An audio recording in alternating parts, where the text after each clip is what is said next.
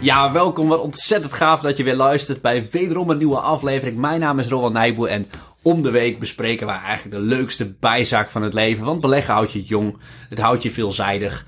En ja, zelfs ondanks het dramatische 2022 is de toekomst fantastisch. En uh, Lennart Remeijsen, welkom. We gaan met jou in gesprek. En ik sprak je al even voor de tijd en je zei al, we moeten, een goede belegger is verstandig optimistisch. Nou, daar gaan we straks over spreken en ik ga je zo welkom heten. Maar wat we vandaag gaan doen is op de eerste plaats beleggen maken we vaak heel complex. Het is best wel lastig om van de hoofdzaken, uh, de bijzaken van de hoofdzaken te scheiden. Wat doet er nou echt toe bij een belegging, bij een investering in aandelen?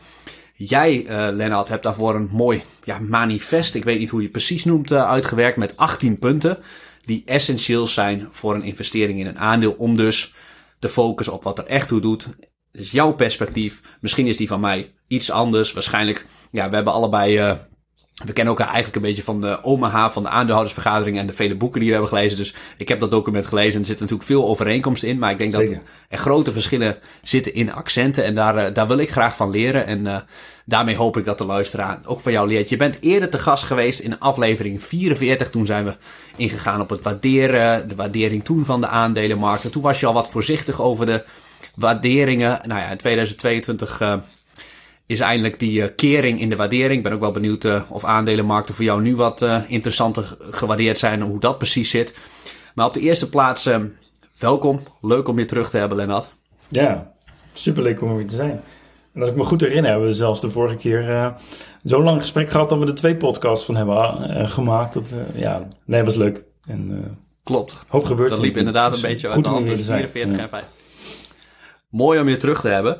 want ik heb van die, eigenlijk van die lijst van 18 punten, we kunnen ze niet allemaal behandelen. Um, delen is, ook herhaling, maar heb ik een aantal eigenlijk uitgekozen waarvan ik ja, heel chill zou vinden als je dat even uit wil lichten. En ik heb daar misschien ook wat vragen over. En um, ja, het is eigenlijk gewoon dus een hele lijst met punten. En ik ga je op het eind nog vragen om het helemaal plat te slaan, beleggen, tot de essentie terug te brengen. Dus misschien is het voor de luisteraar, het begin is nog een beetje van punt naar punt naar punt. Maar op het eind gaan we het dan essentieel maken en we gaan gewoon zoveel mogelijk uh, jouw kennis uh, delen met de luisteraar. En het eerste ding is eigenlijk omdat jij toch wel, je bent heel veel bezig met waarderingen en de cijfers en dergelijke. En ja, dat vinden mensen gewoon heel pittig. En ja, dat begrijp ik. Dat is een uitdaging om een bedrijf te waarderen. Want er komen veel factoren bij kijken. Nou zijn er van allerlei waarderingsmethoden, zoals de koers-winstverhouding, de koersvrije kaststroom, um, de price-to-earnings growth ratio, uh, price-to-book ratio. Nou, er zijn allemaal heel veel waarderingsmethoden al een keer langsgekomen. En bij punt 6 staat eigenlijk bij jou de vergelijking tussen de groei en de waardering. Want heel vaak zeggen mensen als de koers winstverhouding 20 is, ja, wat, moet ik daar nou mee? Wat, uh, want dan weet je nog niks over de groei aan zich. Kan jij eens op, uh, op dat punt ingaan? Zeker. Um, nou, weet je, allereerst, ik, eh, of iets goedkoop is of duur is, is geen, is geen statische definitie. Hè? Dus ik, ik kan aandelen laten zien die voor 20 uh, koerswinstverhouding van 20 goedkoop zijn, of aandelen met dezelfde koerswinstverhouding die duur zijn. Um, hoe ik er altijd naar kijk is dat je, ja, um, je hebt eigenlijk vier verschillende manieren om te kijken naar of iets goedkoop is of duur. Uh, uh, je kan kijken naar is het goedkoper of duurder dan de markt als geheel? Is het goedkoper als duurder als sectorgenoten? Is het, is het bedrijf goedkoop ten opzichte van een eigen historische waardering? Maar de belangrijkste is waardering versus groei. En ik heb me daar in het verleden laten inspireren door, door Peter Lynch die eigenlijk een heel simpel trucje had. En die zei eigenlijk van, goh, ik, ik vergelijk de procentuele groei winst per aandeel. Dus ik noem maar wat, uh, um, een, een, bedrijf groeit met 20% per jaar. En dat, dat, dat vergelijkt hij met de koers-winstverhouding. Uh, dus hij, en hij deelt die twee op elkaar. En Pieter Lins die zei van, nou weet je, uh, als daar een uitkomst van anderhalf tot twee uitkomt, is het, is het koopwaardig. Dus uh, normaal gesproken als een, als een bedrijf met, met 15% groeit, heb je een koerswinstverhouding van 10 dat het goedkoop is. Echter, naarmate de kwaliteit van zo'n bedrijf sterker wordt, dus concurrentievoordelen, modes, er is sprake van een grote sectorwinnaar die veel groter is als de concurrentie, dan kan het zelfs uh, uh, rendabel zijn om in te stappen bij een verhouding 1. Dus ik noem maar wat, als een bedrijf uh, met 25% per jaar groeit, uitgedrukt als winst per aandeel, dan is een koers-winstverhouding van 25 ook interessant. 1 op 1. Echter, je moet je dan zelf wel de vraag stellen van, goh, kan dit bedrijf die groei vasthouden? Is het concurrentiemodel dusdanig sterk dat het ook eh, houdbaar is naar de toekomst? Uh, is er nog veel ruimte om te groeien? Maar zo heb ik door de jaren heen wel geleerd dat het prima is om voor kwaliteit wat minder, of sorry, wat, ja, wat, wat, wat meer te betalen op het eerste gezicht. Um, maar naarmate, en dat is belangrijk, naarmate de groei van een bedrijf lager en lager is, uh, wordt waardering belangrijker. Dus dan wordt het wel belangrijker dat, dat daar een verhouding van anderhalf tot 2 uitkomt. Naarmate een bedrijf heel sterk groeit, dus inderdaad, uh, noem maar wat 25 tot 30 procent, dan is het prima als er één uitkomt, maar dan draait alles weer om het concurrentievoordeel en de ruimte om er te groeien. En ik moet zeggen, het is een heel simpel trucje om twee dingen met elkaar te vergelijken. Maar in praktijk werkt het ontzettend effectief. Ja. En het maakt ook dat je ja, toch uh, ook de mooiere kwaliteitsaandelen. Uh, vroeger schrok ik van koerswinstverhoudingen van 25 of 30. Maar als daar echt een legitieme groei tegenover staat, is dat oké. Okay. Ja, en dan kan een groeiaandeel dus ook een waardeaandeel zijn, eigenlijk. Zeker. Ja, nee, kijk, uiteindelijk is de heilige graal het, het vergelijken van groei en, en, en waardering met elkaar. Alleen dan komt hij, het, het, beoordelen van groei in zijn totaliteit, ja, is, is, een, is een optelsom van heel veel dingetjes. Je, je kan kijken naar uh, winst per aandeel, maar je kan ook naar aandelen inkopen, rentabiliteit, eigen vermogen, concurrentievoordeel, noem, noem maar op. Dat is best wel een, ja, een integrale beschouwing uh, hoe je naar groei kan kijken. Maar ja. dit trucje van Pieter Lynch werkt uitermate goed. Ja. Ja, want wat dan misschien, wat ik een uitdaging vind, is um, als het bedrijf nu 25% de omzet ziet groeien, ja, hoe lang gaat dat duren en hoe snel gaat die afvlakking ja. zijn? En dan, uh, ja, dat is voor, voor sommige ja, bedrijven heel moeilijk, andere heel, heel makkelijk, waarschijnlijk. Klopt. Nee, maar, maar dat, en dat is ook wel een, het is een heel belangrijk accent wat je daar noemt. Um, het is belangrijker om te kijken naar de lengte die het bedrijf nog kan groeien in jaren dan door uh, uh, ja, je gek te laten maken door hele hoge groeipercentages die ze niet lang kunnen volhouden. En het, is, het, is, het is belangrijk om een lange horizon te hebben van god, dit bedrijf doet het nu goed, maar en is dusdanig stevig uh, gevestigd, een voorsprong met, ik noem maar wat, research and development, ja, weet je, dat dat, dat, dat zo beschermd is met een hoog marktaandeel waar, waar moeilijk concurrenten aan kunnen tippen ja, dan, dan kun je meer zeggen over de lengte van de groei in jaren. En dat is, en dat is vele malen belangrijker dan, uh, ja, uh, volgend jaar gaan ze met 40% groeien. Ja, weet je, dat, dat zegt me niet zoveel als, als dat daarna heel snel wegzakt. Uh. Nee, ja, dat is een beetje hetzelfde als um, met de analogie met wielrennen. Ja, om de Tour de France te winnen, de gele trui te winnen, um, hoef je niet per se een etappe te winnen. Als je maar aan het eind van de rit goed bent, op de lange termijn daar maar goed in zit. Zonder, ja. Je hoeft niet één etappe te pieken, zeg maar. Ja. En de, ja, de, de bekende metaforen van, uh, van Warren Buffett, uh, plakkerige sneeuw en een hele lange berg. Uh, ja, weet je, dit, dit gaat om die hele lange berg. Dat is, weet je, als, ja, als maar kunnen doorrollen. Um, ja. Maar goed, de eerlijkheid is ook, weet je, dat zijn wel de, ja, de echte grote, succesvolle bedrijven, vaak de sectorwinnaars. weet je, daar, daar zijn er niet heel veel van. Ja. ja. En je noemt uh, Pieter Lynch al even, want dat is een ander, ander punt die ik heb. Jij, jij gaat eigenlijk uit van een combinatie van drie beleggingsstrategieën. Warren Buffett, Jeremy Siegel en Pieter Lynch. Kan je daar wat over vertellen? Ja.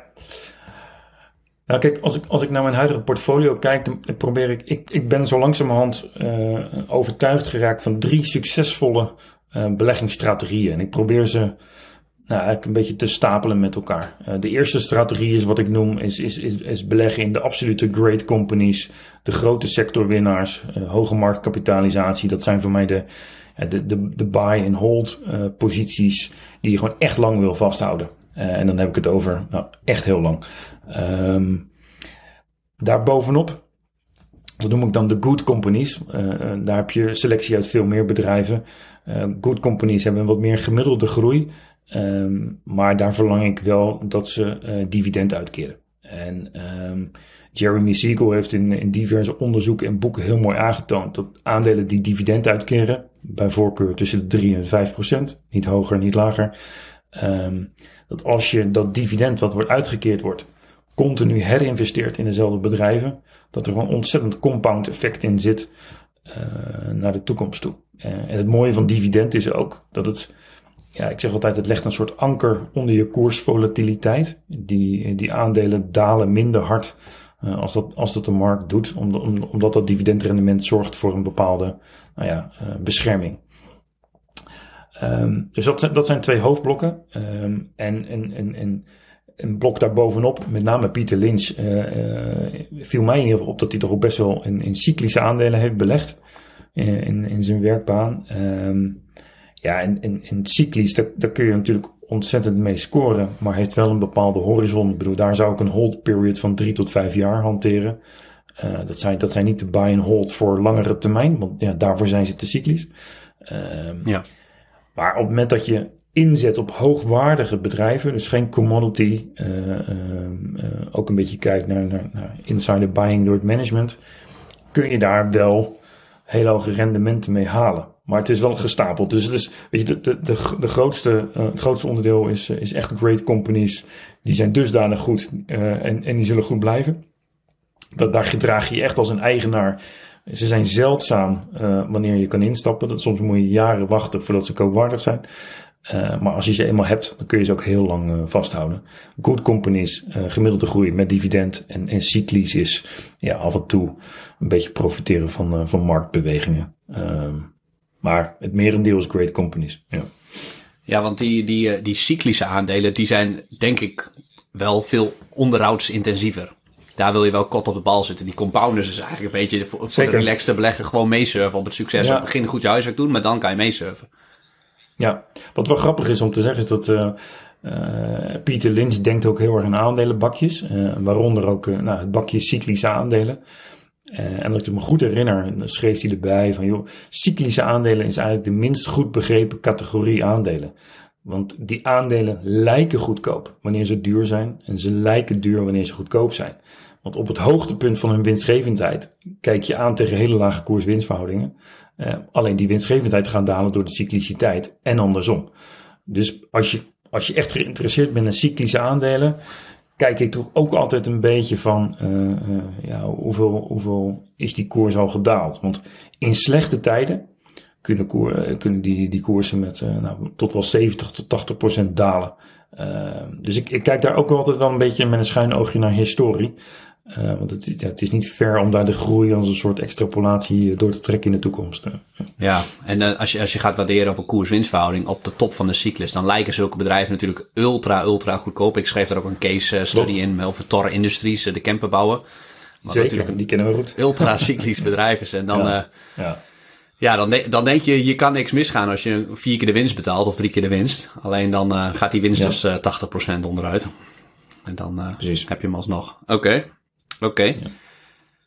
Heel chill, want uh, Peter Lynch heeft natuurlijk een fantastisch boek geschreven, maar was niet iemand die qua spreiding van het aantal aandelen, nummertje 15 bij jou, um, ja. die had heel veel aandelen in portefeuille. Is eigenlijk de een, is een van de weinige uitzonderingen die een, die een goed rendement haalde met heel veel aandelen. Ja. Klopt. Ja, nee, dat herinner ik me ook. Dat heb ik uh, destijds onthouden. Ja, kijk, spreiding in aandelen heb ik, heb ik twee visies op. Um, um, kijk, op zich, op zich hoef je niet een hele grote spreiding te hebben. En of je nou belegt met, uh, met 1000, 10.000, 100.000 euro of meer. Maar weet je, als jij een, ik merk ook dat topbeleggers daar een beetje in, in verschillen. Dan kom je in een wat grijzer gebied. Uh, daar zijn ze niet altijd helemaal over eens. Maar weet je, als je een spreiding hebt van 8 tot 12 aandelen.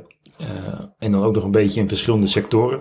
Dan, dan, dan doe je het behoorlijk goed. Ik, um, um, ik zeg er altijd bij, weet je, ik zou nooit, um, voor de absolute great companies zou ik nooit meer dan uh, 20% belegd willen zijn in een individuele maatschappij. Maar ik, zelf denk ik altijd in bakjes van 5%, 10% en 20%. maar er is ook een, maar wel gecombineerd met die 8 tot 12 aandelen. Er is ook een hele andere kijk uh, op spreiding, vind ik zelf. En dat is als je meer naar de, naar de Joel Greenblatt-achtige methode gaat, uh, waarin je ja, ik zeg dan altijd meer, meer database-achtig gaan beleggen. Dus je gaat, je gaat dan vooral echt alleen maar je kwantitatieve bril opzetten. En je kijkt alleen maar naar waardering. Je kijkt niet naar concurrentievoordelen, noem het dan maar op. Uh, je laat de kwalitatieve bril even buiten beschouwing, maar alleen kwantiteit. ja, dan, dan zou je meer naar een spreiding van 20 tot 30 aandelen moeten gaan. En het interessante is dan ook, weet je, als je dat een jaar doet, uh, ja, dat, weet je, van die 20 aandelen doen het, er, doen het er misschien 15 helemaal niet zo best. Maar die andere vijf trekken de kar. En die trekken de kar dusdanig goed dat je portfolio als geheel het behoorlijk goed doet. Um, maar goed, dat is, ja, dat is weer een andere manier van ernaar kijken. Of je focust heel erg op die kwantiteit en dan heel goedkoop. Uh, uh, en dan zitten er ook wel eens aandelen tussen. Je denkt van, poeh, die wil ik eigenlijk niet hebben. Maar die komen toch in je selectie naar boven omdat ze zo goedkoop zijn. Maar ga je echt focussen op ja, de, de great companies, de sectorwinnaars, degene die echt een hele lange horizon hebben met, met goede vooruitzichten, dan is, weet je, dan is 8 tot 12 is, uh, doe, je het, uh, doe je het prima. Ja. En in onze Telegram groep voor de leden, daar gaat heel vaak de discussie over hoeveel aandelen is dan, ja, is dan de heilige graal. Ja, mijn idee is altijd van, ja, er is niet echt een heilige graal. Het ligt er ook een beetje aan nee. van wat je, wat je persoonlijke gevoel daarbij is. Ik kan me voorstellen dat iemand zich met acht, met acht aandelen, ga je natuurlijk wel veel meer volatiliteit zien dan met 20 aandelen. En dat, als, dat, als, dat, als je daar ook wakker van ligt, als je aandelen dan, uh, ja, je krijgt gewoon een veel uh, ergere bumpy ride. Um, dat, dat, moet je wel, dat moet je wel aankunnen. Ja, nou, het is een combinatie. Het is, het, is, het is niet alleen het aantal aandelen, maar het is ook uh, gecombineerd met de weging in individuele aandelen. Um, en ik zou voorzichtig zijn. Ik, ik, uh, ja, weet je, met, met tientallen procent in een individueel aandeel. Ik bedoel, uh, de meeste topbeleggers vertellen toch, weet je, het, gaat, niet, het gaat niet om winnen, het gaat om voorkomen van grote fouten. Um, en in tijden zoals nu, dat beurzen onder druk staan, uh, je kan, je kan kwalite kwaliteitsaandelen kopen, maar het is ook een mooie manier om weer misschien wat, wat meer spreiding in je portefeuille aan te brengen, omdat, omdat er meer kwaliteitsaandelen wat goedkoper zijn geworden. Uh, en dat is, maar terecht, ik, ik, ik ben met je eens. Uh, portfolio management dat vind ik altijd een beetje een grijs gebied. Uh, dat je, daar zie je meer verschillen tussen mensen. En uh, nou goed, we hadden het voor de podcast al even over. Hè, van ja, weet je, Ray Dalio heeft er ook een mooi boek over geschreven. En zegt van ja, weet je, op het moment dat het vermogen echt heel erg toeneemt. Uh, denk dan ook na over in, in welke assetklasses ga je beleggen. Ik bedoel, je kan nog zo'n zo'n prachtige mooie aandelenportefeuille hebben. Maar uh, het feit dat het allemaal aandelen zijn, uh, betekent nog steeds dat ze in praktijk 60% aan elkaar gecorreleerd zijn. ook al zit je in verschillende sectoren. dus voor de echte vermogende mensen is het ook zinvol om te kijken van, kan ik een spreiding aanbrengen in, in verschillende assetklasses? Ik noem maar wat, vastgoed, obligaties, aandelen, nou, noem maar op. Uh, maar goed, dat nogmaals voor de vermogende mensen. Ja. Ja, zou, zou, dat, zou dat ook, als ik er nu over nadenk, kan dat ook voor de. Um, ik snap dat een, de, de belegger met een kleine portefeuille kan niet zomaar een appartement kopen. Maar die kan natuurlijk wel vastgoed op de beurs kopen. Wat dan wel een aandeel is. Maar dat ja. zal wel gecorreleerd zijn, in ieder geval qua volatiliteit, vermoed ik. Ja. Uh, alhoewel ik de statistieken natuurlijk daarvan niet paraat uit hoe die correlativiteit precies is. Maar ja, dat je onderliggend wel een soort van veiliger zit. Eens. Ik, uh, terecht, hè. niet iedereen kan, uh, kan zomaar even een huis bijkopen, et cetera. We hebben ook, we hebben ook een huisnood in, in Nederland. Dus, maar um, ik ben zelf erg voorzichtig met vastgoed kopen op de beurs. Um, en waarom? Uh, omdat ik, ik heb geen zicht op hoe zo'n vastgoedportefeuille is opgebouwd. En vooral tegen welke uh, panden die gewaardeerd staat op een balans. Uh, dat, dat, ja, dat, in, mijn, in mijn optiek vanuit value beleggen kun je daar dan behoorlijk mee spelen als management. Ehm, ja, dus dat, dat zou een, zit niet in mijn lijstje met, met aandelen waarin ik zou beleggen. Bijvoorbeeld, bijvoorbeeld al niet. Ja, ik, ik, ik snap dat. We hebben een recente podcast gemaakt over, over REITs. Dus beleggen in uh, Real Estate Investment Trust. Een soort van een onderliggend vastgoed. En met het onderzoeken daarin zag ik dat het de beste sector is van de afgelopen 20 jaar. Nou denk ik zelf niet dat het de beste sector de komende 20 jaar gaat zijn. Want we hebben allemaal de meewind van de lagere rentestanden ervaren. En vastgoed is bij, ja, is een sector die daar natuurlijk als beste van profiteert. Want je kan alleen met vastgoed goed rendement maken als daar een goede schuldpositie op zit. Um, maar dat, ja, dat, dat verbaasde mij alsnog wel. Ik dacht, dat is, dat is, uh, dat is een pittige wereld, dat is ja. een cowboywereld. En dat is niet zo makkelijk. Omdat het zo kapitaalintensief is, is er gewoon niet zo makkelijk rendement mee te maken. Nee, en, en nou goed, weet je, de, de, uh, er wordt natuurlijk veel geld verdiend in vastgoed. Maar als ik, als ik voor mezelf spreek, heb ik, heb ik echt een sterke voorkeur voor, um, voor bedrijven met, met consumentenproducten, consumentendiensten. Het, het liefst ja, gewoon echt direct gerelateerd aan, aan consument, omdat het, het maakt het meer voorspelbaar. Ehm, weet je, kortcyclisch gebruik door, kort, door consument of kortcyclisch aankoopgedrag. Ja, mensen zijn toch een beetje gewoontedieren. En dat zijn bedrijven die vaak meer voorspelbaar zijn uh, naar de toekomst toe. Ehm, ja, dus dat, daar, daar zit wel mijn, mijn voorkeur. Ja, ja. En, en qua vastgoed, daar gaan we verder over. Maar het is, als CEO is het niet zo saai is een vastgoedbedrijf runnen met gewoon alleen je huurpenningen in. Hè? Dus het risico is er ook dat je, of dat zie je vaak, grote overnames doen in goede tijden. En, ja. uh, en dan gaat het mis. Maar goed, het is natuurlijk wel een cash, cashflow business. En dat is, ja, weet je, um, dat, dat maakt het interessant. Maar goed, je, je, moet, je, moet, je moet goed bekend zijn in die sector, verstand van zaken hebben. Maar weet je, dat, dat is hetzelfde als, ja, um, ik, ik, ik, ik, ik zie het toch ook een beetje als commodity op de beurs. Um, ja. Hey, je bent uh, natuurlijk beleggingstrainer. Ik ben bij je training geweest. Echt fantastisch om te doen. Ik kan het iedereen aanraden. En je, het mooie is van een beleggingstrainer, je bent onafhankelijk, maar je, je zoomt ook heel erg uit. Uh, want ja. als je alleen dagelijks op dagelijks basis naar de beurs gaat kijken, ja, dan word je, word je als belegger helemaal gek. Maar door uit te zoomen naar lange termijnen te kijken. En één punt bij jou is dat boelmarkten steeds langer duren. Um, wat, wat, wat, kunnen wij als belegger daarmee? En, en hoe, hoe zit het trouwens?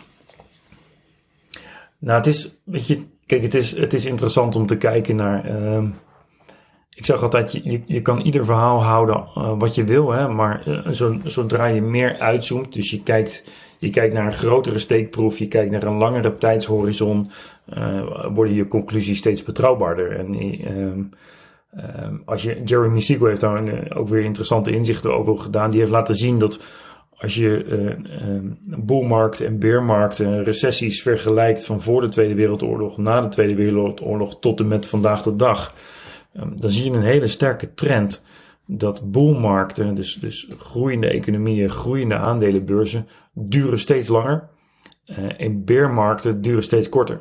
een mooi voorbeeld was ook nog in, in, in, in de tijd van nou, corona-lockdown.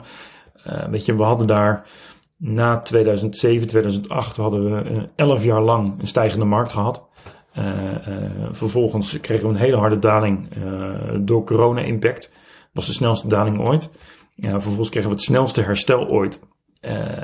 En ja, weet je, wat, wat het voor mij doet, is dat het, het, het, het ook als je kijkt in, in, in factor tijd, 70% van de tijd is de beurs stijgend.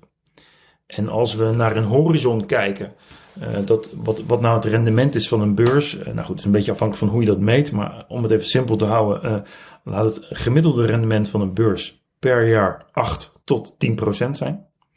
Dan is het heel interessant om te kijken naar en hoe komt dat gemiddelde dan tot stand? Want wij kijken naar een gemiddelde van 8 tot 10 procent. Maar dat is over een bepaalde looptijd. maar als je gaat inzoomen, dan zie je dat vele jaren uh, het rendement op de beurs veel hoger ligt dan die 8 tot 10 procent. En slechts een korte periode dat rendement lager ligt of, of, of negatief is. Um, dus dat gemiddelde van 8 tot 10 procent waar we naar kijken, komt ontzettend scheef tot stand. Het zegt eigenlijk niet zoveel.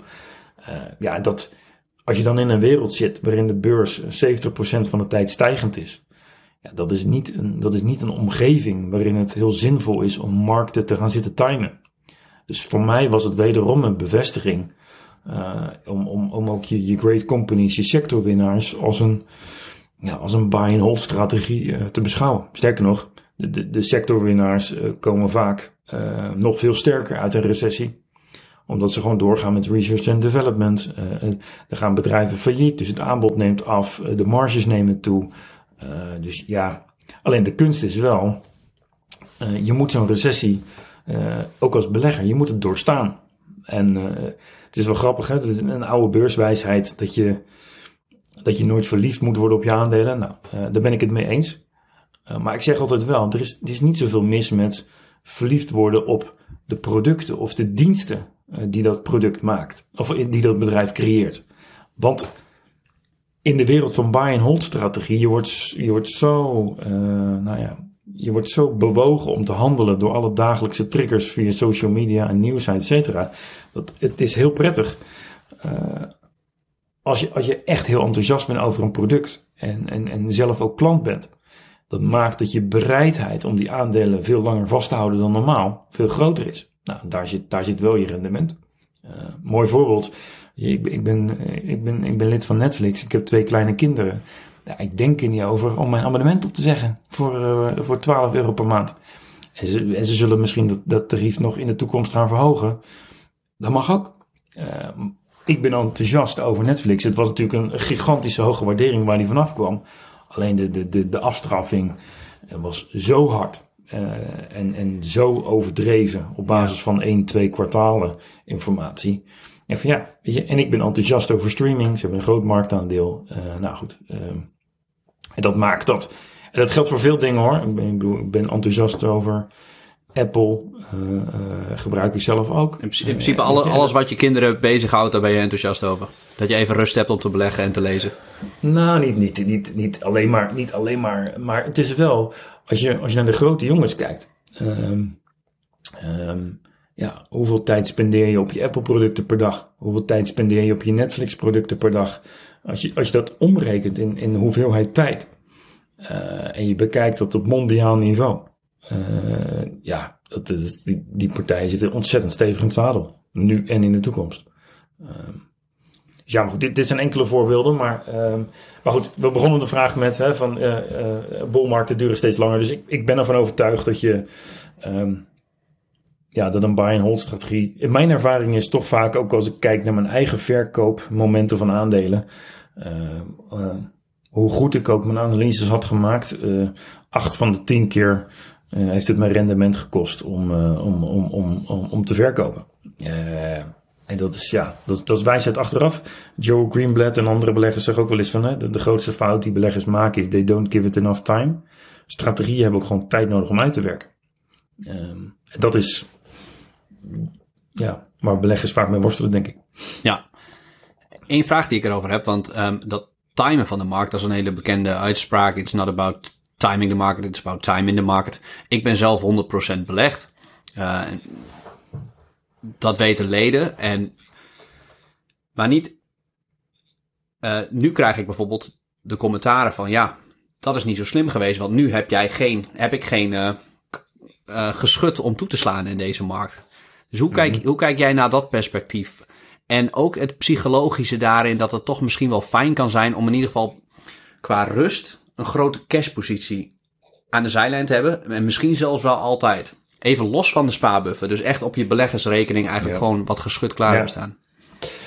Ik, ik, weet je, ik ben fan van een enorme, ook van een enorme cashpositie. Ik, ik merk dat mensen in een omgeving waarin rentes nul waren of waarin inflaties hoog waren en mensen heel erg nerveus worden van ik heb cash, ik moet iets. En, nou, zo zie ik het absoluut niet.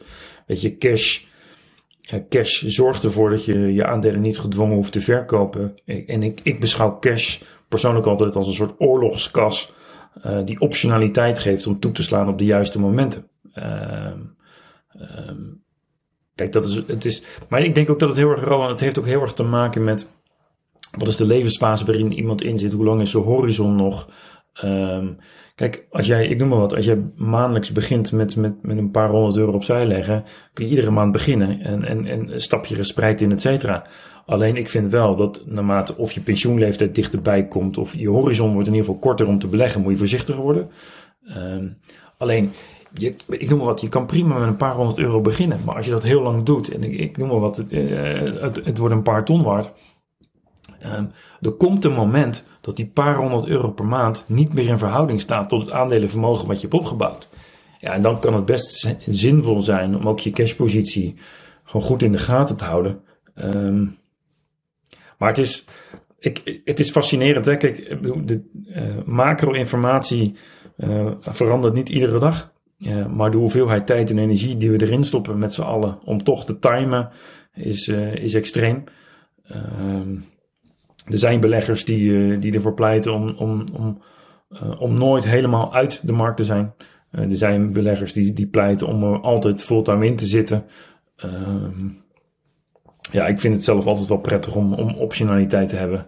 dus ik kijk wel een beetje naar de totale beurswaarderingen in relatie tot de economie, hè, de bekende market cap to GDP. van waar, waar staat de beurs als geheel? Uh, maar het is niet iets, weet je, als je mooie kansen voorbij ziet komen, moet je, moet je niet daarop laten aankomen. Ja, dat, Nee, maar dat is een beetje de algemene regel, de market cap to GDP ratio, door, door Buffett ook ooit genoemd. En ja, de, in die markt kunnen nog steeds individuele aandelen natuurlijk goedkoop zijn. Dat is wat je zegt. Zeker. En ja, een beetje de ervaring leert ook dat um, wanneer een beurs um, met, met 20 tot 30 procent in elkaar klapt, uh, dat uh, in de periode daarna het snelste herstel plaatsvindt. Dat, bedoel, dat is een historisch patroon wat we al heel lang zien. Um, maar goed, ik, ik, ik deel natuurlijk hè, van joh, het is het is frustrerend als je de aandelen uh, hard ziet dalen. Je weet dat je favorieten zijn, uh, maar je niet de cashpositie hebt om in te kopen of bij te kopen. Dat is, dat is wel iets frustrerends. Dat, dat snap ik. Maar goed, als je horizon lang genoeg is, it doesn't matter. Helder. En uh, je hebt het ook over verstandig optimisme. Nou, wij hebben het vaak in de podcast wel eens gehad over dat goede beleggers optimistisch zijn. En dan noemen we Rutger Bregman dat, het, dat, de, dat men, de mens heel leuk is, de meeste mensen deugen. Of mhm. Hans Rosling met het boek Feitenkennis, dat het steeds beter gaat met de wereld. En dan, ja, dat, we, dat je als belegger kan eigenlijk meesurfen op het succes van de wereld. omdat de bedrijven floreren en daarop uh, mee kan liften. Wat bedoel jij precies met verstandig optimisme? Ik heb uh, door de jaren heen ook een beetje schade en schande wijs geworden. En ik, ik heb voor mezelf een soort, uh, ik zeg altijd maar, een soort gap-model in mijn hoofd zitten. Waarmee ik altijd uh, ook cursisten vertel. Kennis is niet gelijk aan rationeel denken.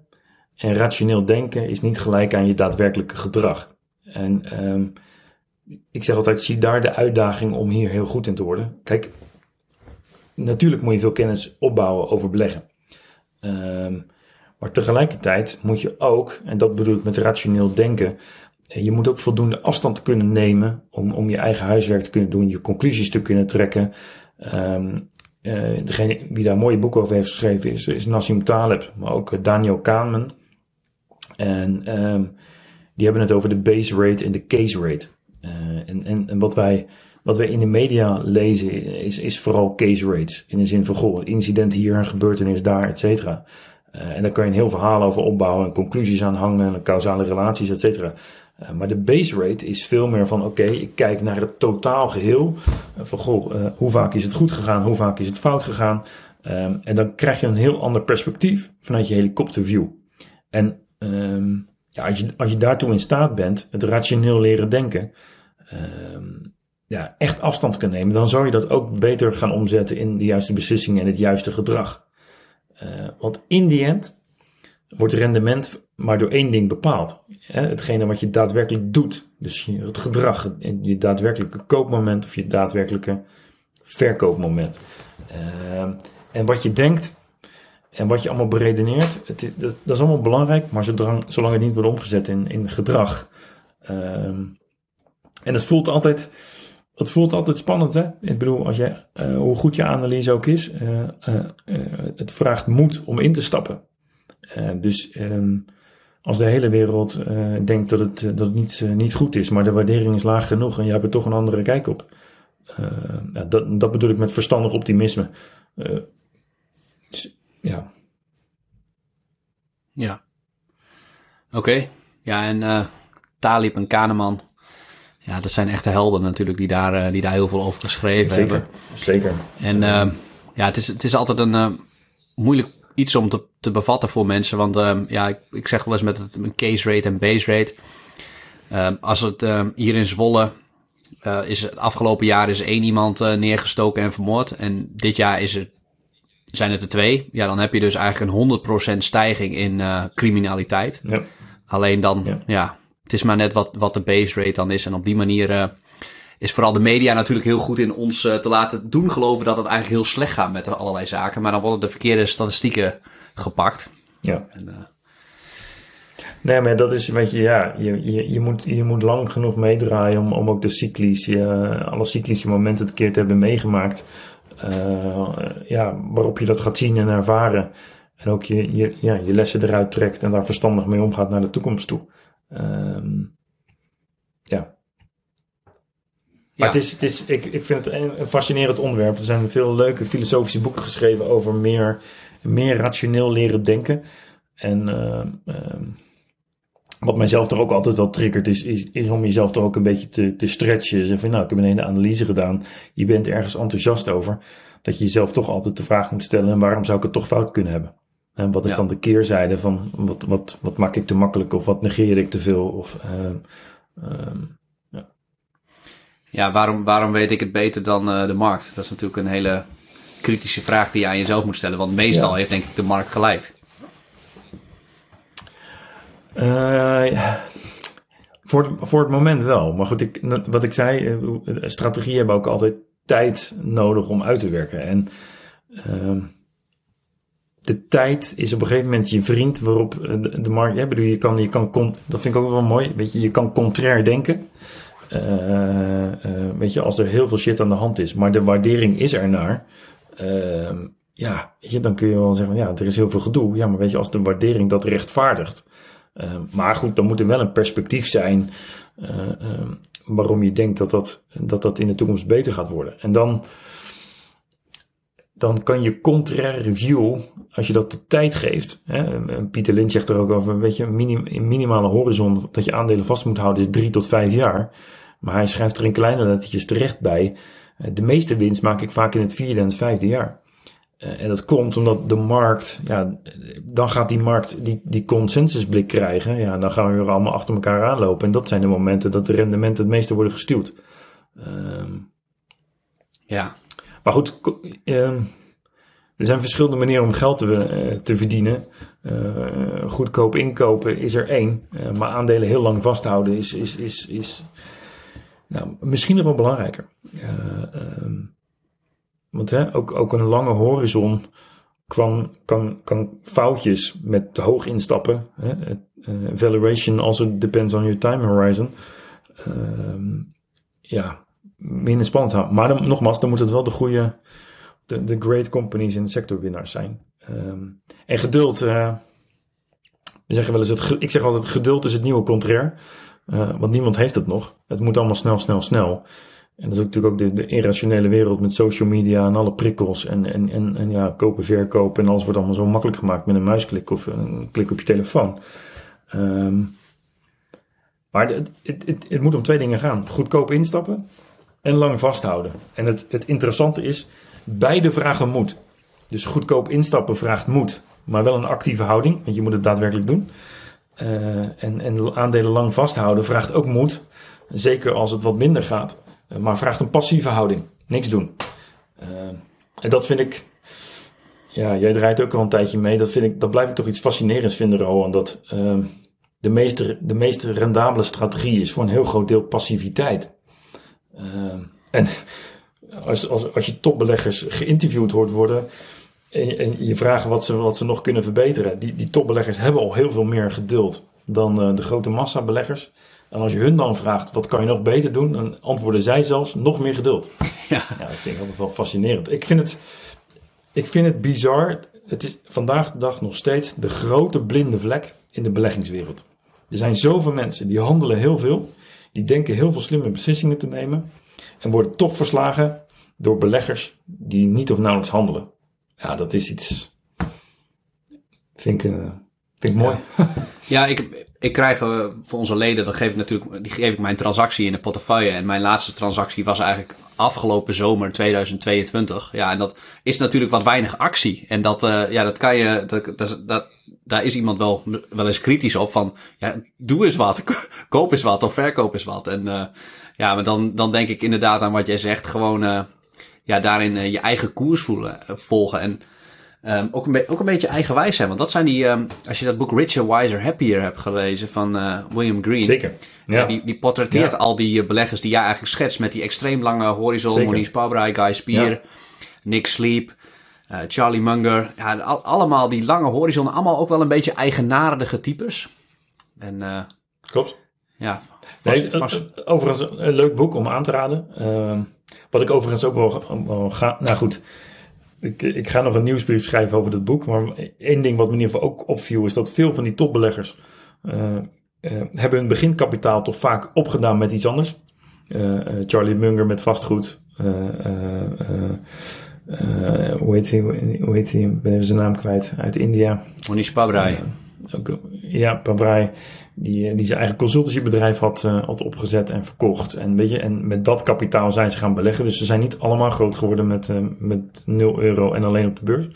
Ehm, maar het feit dat ze, dat ze heel vaak alleen werken, het feit dat ze contrair durven zijn, het feit dat ze wel vaak een partner hebben waarmee ze toch een klein beetje kunnen klankborden. Um, ja, dat is een mooie, was een mooie, mooi diepte interview, vond ik wel. Met, um, ja. ja. Hey uh, Lennart, we zijn bijna op het einde. We hebben nu van allerlei punten natuurlijk gehad. En ik kan me voorstellen dat voor de luisteraar... die heeft nu allerlei losse punten gehoord. Als jij, als jij nu eens even helemaal plat moet staan... en ik geef je eigenlijk één minuut maximaal om te zeggen: wat moet je als belegger doen om goede rendementen op de lange termijn te halen? Vroeg beginnen. Zoveel mogelijk kapitaal naar voren halen, zodat dat zo lang mogelijk horizon kan renderen. Ehm, ik heb zelf een sterke voorkeur voor grote bedrijven. Ik realiseer me dat kleine bedrijven vaak goedkoper kunnen zijn. Maar grote bedrijven zijn minder risicovol. Ze hebben meer staying power. Ze hebben grote marktaandelen. Ik denk dat wij heel sterk leven in een wereld die steeds eh, waarin groot groter wordt. Dat wordt aangejaagd door digitalisering. Uh, dus ja, grote bedrijven, maar ze zijn, uh, ze zijn wel zeldzaam goedkoop. Uh, maar als je echt bereid bent om ze lang vast te houden, omdat je zelf ook enthousiast bent over de producten, omdat je ze kent, omdat je ze gebruikt, ja, dan, en dan heel lang vanaf blijven. En dat klinkt heel saai. Dat is wat je net ook al zei, Roman. Het, is ook heel saai. Als jij 8 tot 12 aandelen hebt en je minimale holding period is 3 tot 5 jaar, heb je één of twee goede ideeën nodig per jaar. Nou, dat zegt, dat zegt voldoende hoe hoog de lat ligt.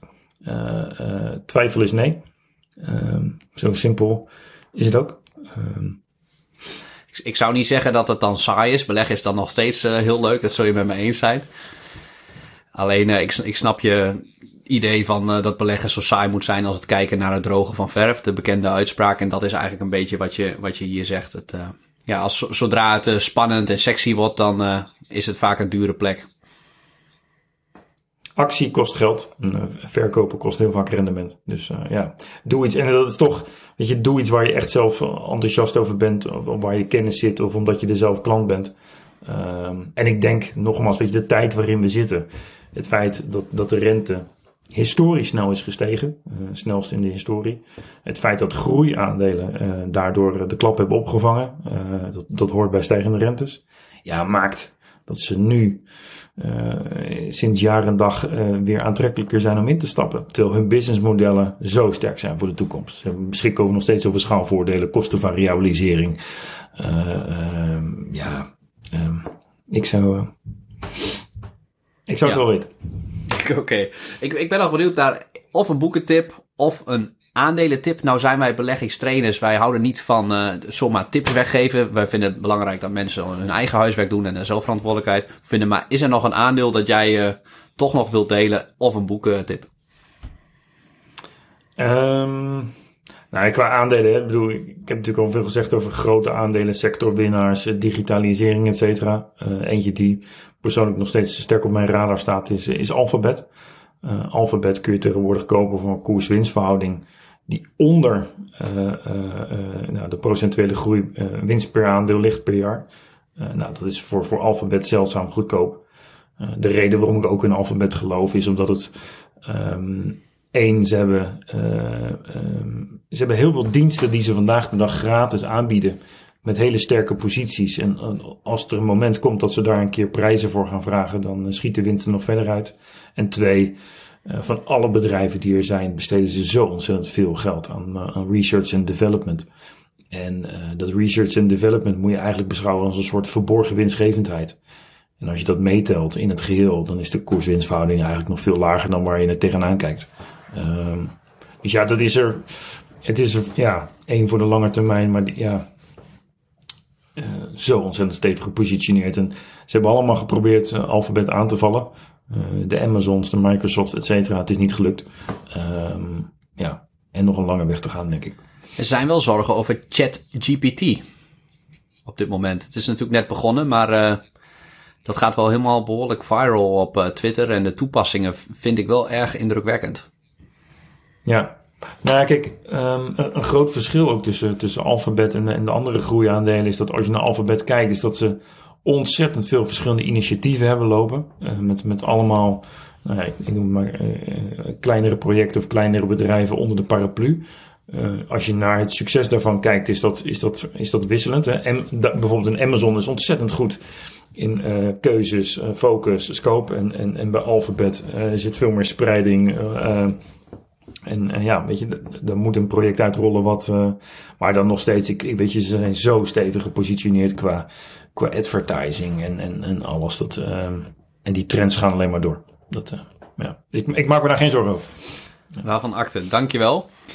Waar kunnen mensen meer over jou vinden, Lennart? Uh, nou, in ieder geval op mijn website, uh, eh. Uh, eh, daarin vind je ook, ik heb sinds kort gewoon mijn hele beleggingsstrategie gewoon uitgeschreven. zoals we begonnen, de podcast begonnen, de hoofd- en bijzaken. Dat is gewoon een opsomming van, in mijn optiek, de belangrijkste hoofdzaken. Um, en ik geef meerdere masterclasses in een jaar, waar mensen zich voor kunnen aanmelden. Voor de zomer of na de zomer. waarin we in één dag de lessen van, uh, van werelds beste beleggers in, in sneltreinvaart behandelen. En het maakt niet zo heel veel uit of je voorkennis hebt of niet, ervaren bent of beginner. De, de kunst is om, het, uh, om complexiteit plat te slaan tot, uh, tot ja, wat er echt toe doet. en dat gaan we ook die dag ook lekker oefenen online met, met aandelen real-time analyseren. En dus ja, zo. Ik uh, kan het iedereen aanraden. Ik ben erbij geweest. Um, je krijgt zo ontzettend veel in één dag bij Lennart Remijsen, uh, die training. Dus uh, ik kan het iedereen aanraden. En je doet het op een hartstikke leuke manier. Dus Lennart, heel erg bedankt. En luisteraar... Graag gedaan weer, Ron. bedankt voor het kijken of voor het luisteren. En tot de volgende keer.